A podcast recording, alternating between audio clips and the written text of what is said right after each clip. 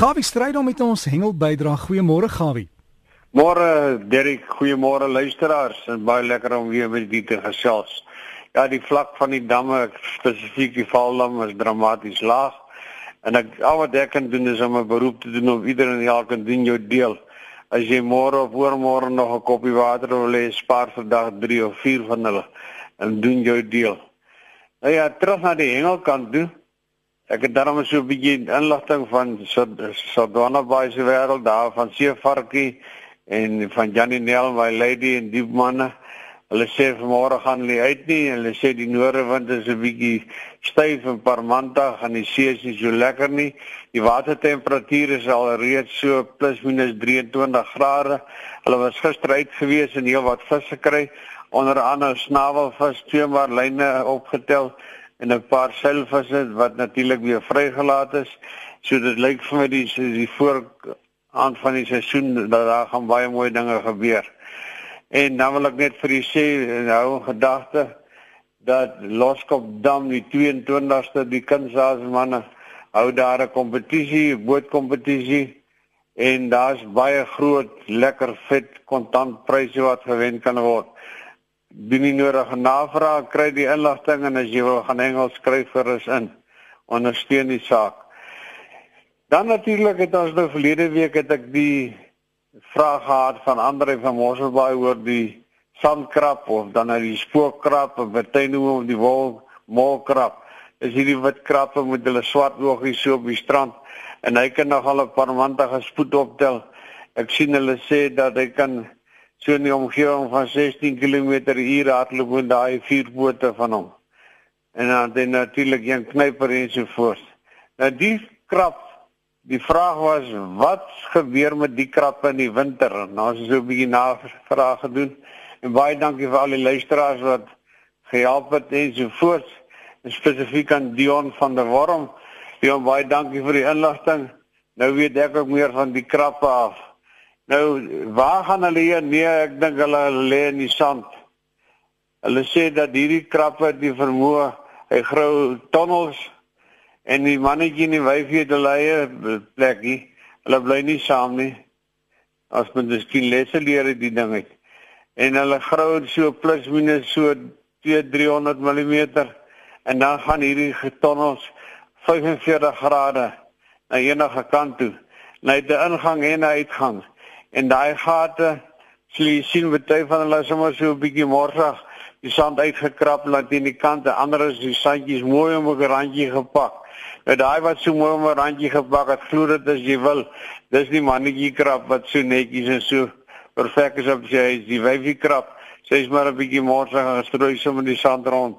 Maar wat hierdie krap die vermoë het is om vir 6 weke kan hy onder die sand of in die see kan hy bly want hy neem suurstof in wat hy kan vir 6 weke nie nodig het om weer uit te kom om asem te haal nie of suurstof te bekom nie.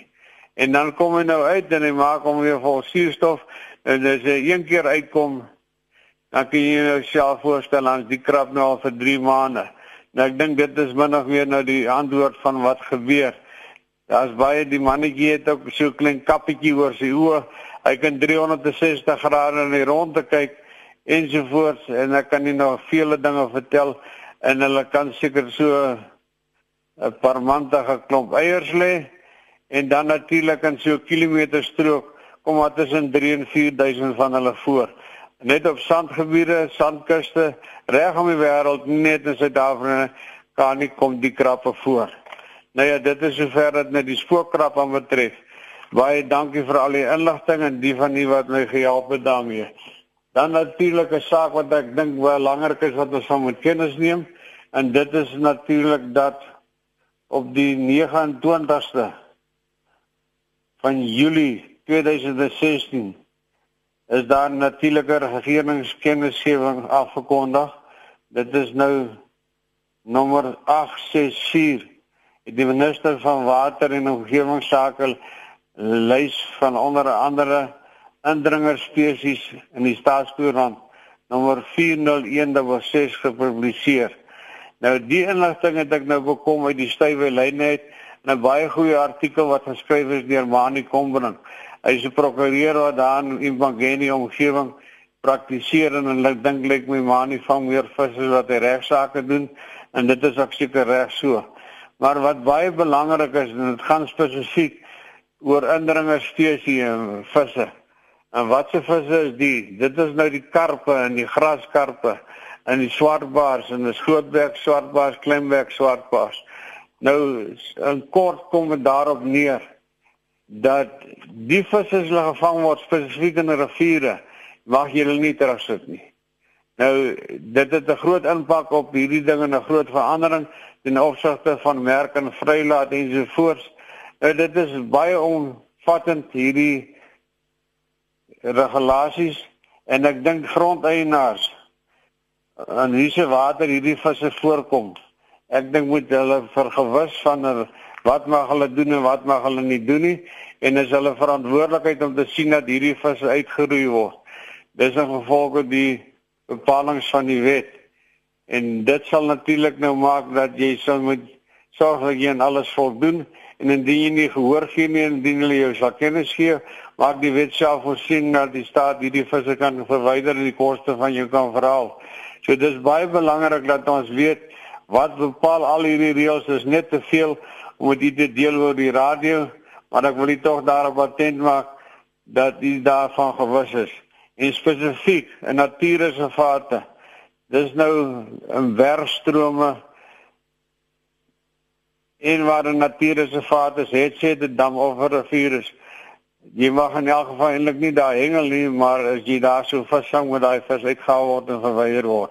En die reg ding sal wees om hierdie visse as hulle gevang word reëlings te trek en ek dink aan mense te gee wat baie nood aan kos en voedsel het ensovoorts, maar dit sal ons inheemse spesies beskerm want 'n karp is 'n ding wat kan baie modder maak en dit bedreig natuurlik aan ons inheemse spesies en swartbaars is natuurlik bekend daarvoor.